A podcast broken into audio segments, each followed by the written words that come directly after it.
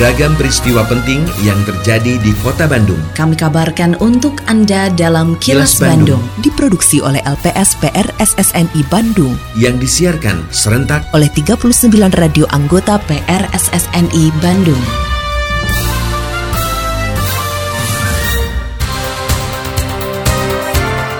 Sejumlah informasi aktual kami hadirkan untuk Anda dan inilah informasi utamanya. Masyarakat kembali diingatkan untuk berpartisipasi aktif dalam pemilu 2024. BNPB akan gunakan teknologi modifikasi cuaca untuk kurangi hujan. Efektivitas pajak hiburan dinilai perlu ditingkatkan. Saya Santika Sari Sumantri, inilah kelas Bandung selengkapnya. Masyarakat terus diingatkan agar berpartisipasi aktif dalam pemilu 2024, terutama datang ke tempat pemungutan suara atau TPS untuk memberikan suaranya pada hari pencoblosan Rabu 14 Februari 2024 mendatang. Hal tersebut disampaikan penjabat Gubernur Jawa Barat Bey Mahmudin saat acara Demi Indonesia Cerdas Memilih yang digelar oleh Kementerian Komunikasi dan Informatika di Kota Bandung. Menurutnya partisipasi aktif masyarakat sangat menentukan kualitas pemilu. Reporter Agustin Purnawan melaporkan, Bey juga kembali menekankan netralitas ASN dan TNI Polri dalam pelaksanaan pemilu. Pasalnya meskipun memiliki hak pilih, netralitas ASN perlu dijaga untuk menciptakan pemilu damai di Jawa Barat. agar pemilu damai ya pertama kami memastikan pertama ASN TNI Polri netral pertama itu yang kedua kami juga ingin tingkat partisipasi pemilih tinggi karena ini merupakan masa depan bangsa jadi gunakan hak pilihnya jangan sampai tidak hadir ke TPS pemilu damai kami koordinasi dengan semua kepala daerah dengan TNI Polri untuk menjaga kertas suara sampai dan juga pastikan semuanya tidak ada blank spot jadi semuanya terpantau transparan dalam pelaksanaan nanti jadi semua masyarakat merasa bahwa pemilu ini berjalan dengan lancar, jujur, dan adil. Itu yang paling penting.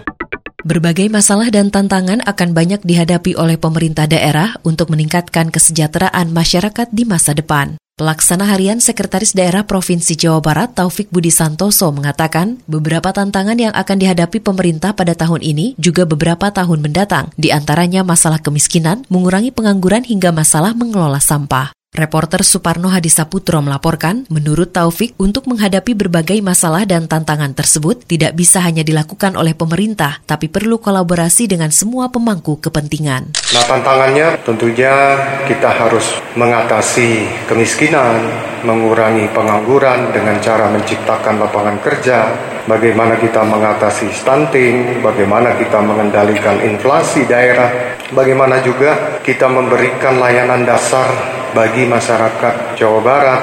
Kita masih punya tantangan untuk air bersih, kita masih punya tantangan untuk bagaimana mengelola sampah, bagaimana kita menyiapkan listrik bagi masyarakat, bagaimana kita menyiapkan telekomunikasi supaya tidak ada blank spot lagi di Jawa Barat, bagaimana kita menyiapkan pendidikan, kita masih butuh 144 unit sekolah baru di seluruh Jawa Barat yang harus kita juga siapkan.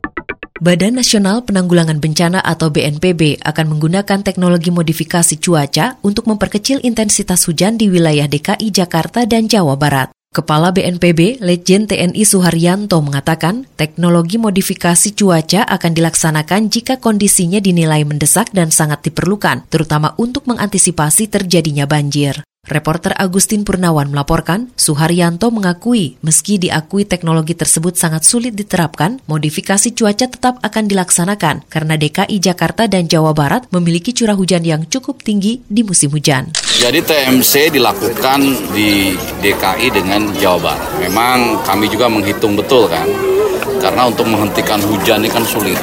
Paling bisanya mengalihkan atau memperkecil. Nah kelihatannya memang tidak efek, tidak efektif seperti kalau TMC mendatangkan hujan saat kekeringan. Itu kan gampang ya saat kering terus datang hujan. Kalau ini kan hujan deras terus diperkecil gitu. Tetap kita laksanakan supaya jangan sampai kalau tidak dikurangi hujannya turun deras akhirnya mengakibatkan bencana yang besar. Kini, audio podcast siaran Kilas Bandung dan berbagai informasi menarik lainnya bisa Anda akses di laman kilasbandungnews.com. Partai Golkar menyerahkan sepenuhnya kepada proses hukum terkait dugaan pelanggaran aturan kampanye yang dilakukan oleh Ridwan Kamil. Sekretaris Jenderal DPP Partai Golkar Ludwig Findrix Paulus menyatakan pihaknya terus memantau laporan dugaan pelanggaran oleh Ketua Tim Kampanye Daerah Prabowo Gibran Jawa Barat tersebut kepada Badan Pengawas Pemilu atau Bawaslu. Seperti dilaporkan reporter Suparno Hadi Saputro, PDI Perjuangan Jawa Barat melaporkan dan meminta Bawaslu melakukan penelusuran mengenai beredarnya rekaman video Ridwan Kamil menggunakan atribut khas dari calon presiden nomor urut 2 dan diduga melakukan kampanye saat menghadiri acara Badan Permusyawaratan Desa atau BPD di Kabupaten Tasikmalaya beberapa waktu lalu. Ya biar pro, biarkan proses ini berjalan, tapi saya harapkan tidak menurunkan semangat partai atau Pak Ridwan Kamil untuk terus mengkampanyekan Prabowo Gibran dan Partai Golkar. Anggota Komisi 1 DPR RI Nurul Arifin berharap pemerintah menunda pemberlakuan kenaikan pajak hiburan yang rencananya mencapai 40 hingga 75 persen di tengah kesulitan para pengusaha dan masyarakat saat ini. Nurul mengusulkan agar pajak hiburan tetap dipertahankan seperti sebelumnya, tapi efektivitas pungutan harus ditingkatkan. Menurutnya penerimaan pajak perlu dioptimalkan tanpa memberatkan pelaku industri hiburan. Hal ini karena industri hiburan sedang bangkit dari masa pandemi dan membutuhkan akselerasi untuk mendukung pemulihan. Reporter Suparno Hadisaputro melaporkan, kalangan pengusaha hiburan memprotes kenaikan pajak hiburan karena dinilai memberatkan bisnis mereka dan dikhawatirkan berdampak buruk bagi sektor pariwisata. Hari ini ada ratas membahas tentang pajak hiburan tersebut. Karena ini kan akan ada akan ada evaluasi kembali. Dan sementara di freeze dulu, di hold dulu yang kemarin dikatakan pajak hiburan 40 sampai 75 persen yang memang tidak masuk akal tersebut gitu. Nah saya kira ini satu kebijakan yang bagus ya dari pemerintah begitu. Jadi apa mendengar aspirasinya dan kita juga tahu secara objektif dan realistis bahwa kalau pajak hiburan dikenakan segitu besar angkanya di tengah masyarakat yang yang punya jasa hiburan, kemudian apa namanya ya orang-orang yang terlibat bekerja di situ dan sebagainya dan juga kita sebagai konsumen misalnya ya butuh hiburan ke karaoke dan sebagainya ini menjadi sulit. Saya kira ini harus didengar betul dan mudah-mudahan keputusan hari ini bisa segera kita dengarkan bersama. Para orang tua diminta untuk mengingatkan putra-putrinya untuk tidak menggunakan knalpot brong. Pasalnya selain tidak sesuai dengan standar yang telah ditentukan, penggunaan knalpot bising tersebut juga mengganggu kenyamanan masyarakat. Hal tersebut disampaikan Kepala Korps Lalu Lintas Mabes Polri, Inspektur Jenderal Polisi Aan Suhanan, terkait disitanya sebanyak 430 ribu knalpot brong atau bising dari hasil razia yang dilakukan oleh jajaran Satuan Lalu Lintas atau Satlantas di seluruh Indonesia. Reporter Yudi Dirgantara melaporkan, menurut Irjen Aan, polisi akan terus melakukan penertiban terhadap para pengendara yang nekat menggunakan knalpot bising. Bersama-sama kita untuk mencegah, ya, untuk mengingatkan. Mungkin putra-putrinya yang mulai dari rumah menggunakan ini sudah diingatkan untuk ganti, ya, daripada diganti oleh petugas. Ini disita, dihancurkan nanti oleh petugas. Lebih baik dari rumah diingatkan orang tuanya untuk tidak menggunakan knalpot.